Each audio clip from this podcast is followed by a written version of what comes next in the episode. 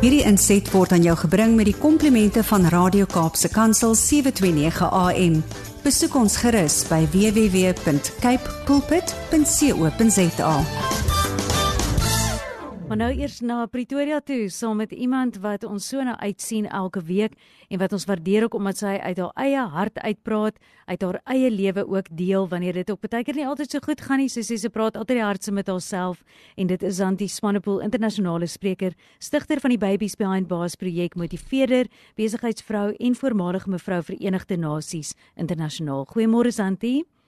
Môre aan julle almal in daai pragtige pragtige provinsie en aan elke luisteraar en aan almal wat in die studio vanoggend werksaam is. Dis 'n voorreg mm. om op 'n Woensdag met julle te praat en mag ons dit regtig nooit lig opneem nie. Ek dink ja, ek dink nie ek weet dat die Here ook 'n hart het vir elke persoon wat ingeskakel is vanoggend ja. en dat hy jou so so liefhet. So. En um, ja. Ek ek moet sê ek ons het Wat sê jy?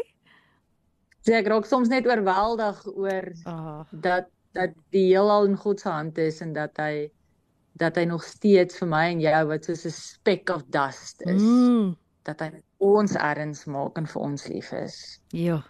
Dit is so waar en ons sê ook net of ons luisteraars is antie dit is so voorreg dat ons almal stap op die pad saam. Van waar ook al jy vandag saam luister en waar jy sit en of jy alleen is of 'n groep mense Dis so lekker dat ons kan weet dit bind ons ook saam vanoggend en dat al sit jy in Pretoria voel dit asof jy hier is by ons met wat jy vir ons bring vanoggend. Ons het op ons Facebook-blad ook sommer so 'n stukkie geplaas wat Santi deel weekliks waar jy kan sien wat is die tema wat, wat sy gewoonlik met ons um, bespreek. Maar vandag sê sy sometimes the least is the most. Santi, ons gee oor na jou. Ja, julle, vir oggend is my na in die hart en Ek wil vir jou sê dat dat die Here ver oggend vir jou luisteraar eer al voel jy min.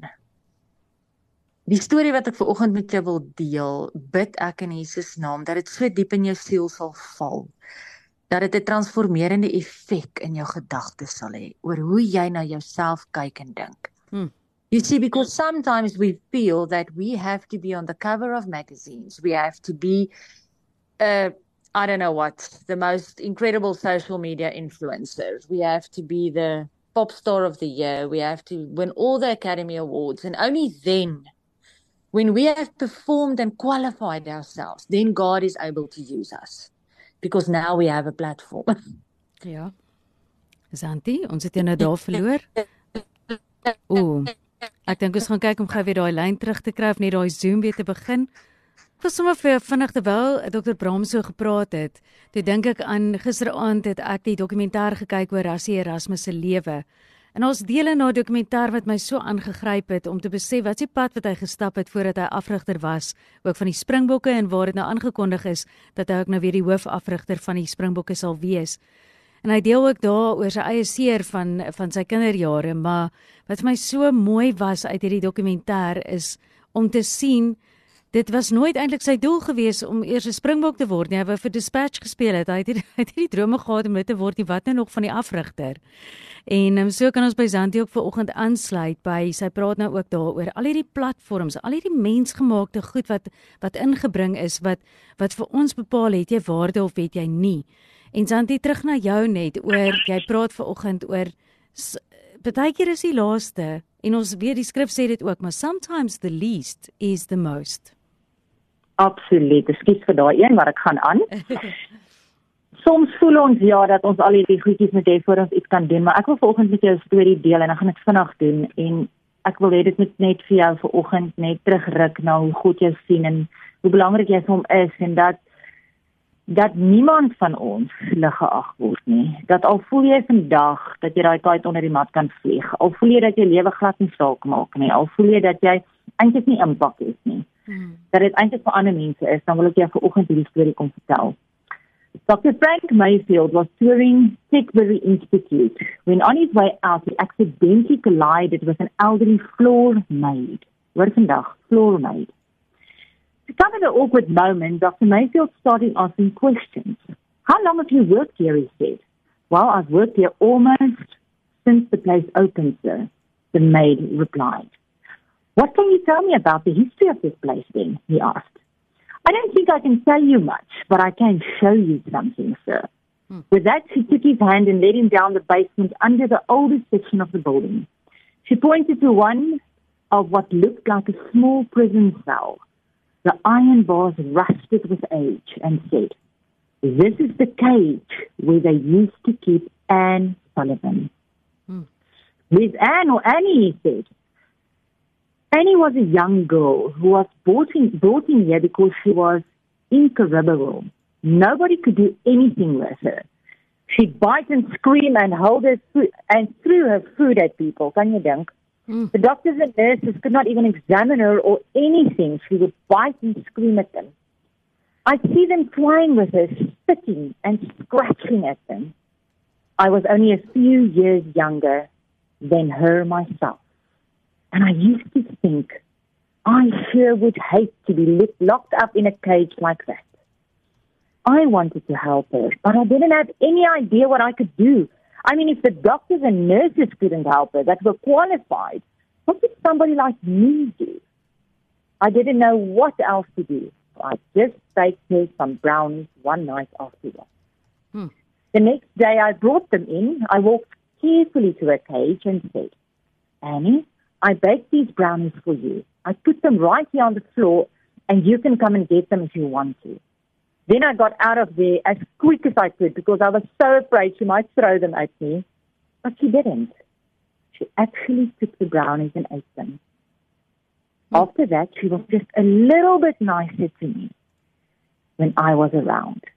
And sometimes I could actually talk to her. Once I even got her to laugh. Hmm. One of the nurses noticed this and she told the doctor. They asked me if I would help Anne, and I said I would if I could. So that's how it came about that. Every time they wanted to see Annie or examine her, I went into the cage first, explained and calmed her down, and held her hand. This is how they discovered that Annie was blind. Mm. After they'd been working with her for about a year, sure. and it was a tough sledding with Annie, the Perkins Institute for Blind opened its doors. They were able to help Annie further, and she went on to study and become a teacher herself. Annie came back to the Textile Institute to visit one day and see what she could do to reach out. At first, the director didn't say anything, and then he thought about the letter he just received. A man had written to him about his daughter. She was absolutely unruly almost like a wild animal. She was deaf and blind as well as deranged. He was at his wits with her, but he did not want to put her into an asylum. Hmm. So he wrote to the institute to ask if they knew of anyone who would be able to work with his daughter at his home. And that is how Anne Sullivan became the lifelong companion of Helen Keller. Mm-hmm. When Helen received the Nobel Prize, she, uh, she was asked, Who had the greatest impact on your life, Helen? She replied, Annie Sullivan. Oh, but sure. Annie said, No, Helen, no, no, no. The woman who had the greatest influence on both our lives was a common floormate at the Textile Institute. Ja. Ek vandag weer sê die woord van die Here sê. Matteus 25:40. Whatever you did for one of the least of these brothers and sisters of mine, you did for me. So. Vandag wil ek daardie dame wat die vloere, vyf vloere elke dag vyf vloere skoon gemaak het eer. Because you see Annie and Helen got the platform. Mm. They got the voice, they made a difference. Maar die een wat eendag in die hemel geëer gaan word. Mhm. Mm that will get the award that has eternal value. Will be a simple little floor mate. Sure. In a place she worked and made an eternal impact. Mag dit jou seën vandag soos dit my ook geseën het. Amen. So. Santi Swanepoel, ongelooflik baie dankie. En weet jy wat, ehm um, ek gaan nou met jou as luisteraar iets deel met die weg gaan hier iets wat ek nou gisterand gekyk het, maar ons is so bly dit is beskikbaar ook as 'n pot gooi. Ons hoop jy het 'n geseënde week. Gaan ehm um, gee 'n bietjie liefde daar vir Santi ook, like haar page en dan mis jy niks van haar platforms en alles waarmee sy andersins besig is nie. Dis so maklik so Santi Swanepoel en ons het dit nou ook vir jou geplaas op ons Facebook bladsy, so jy kan net na daai skakel toe gaan. Santi, geniet jou dag verder. Ons sien uit na volgende week. Dankie julle tata. Bye. Hierdie inset was aan jou gebring met die komplimente van Radio Kaapse Kansel 729 AM. Besoek ons gerus by www.cape pulpit.co.za.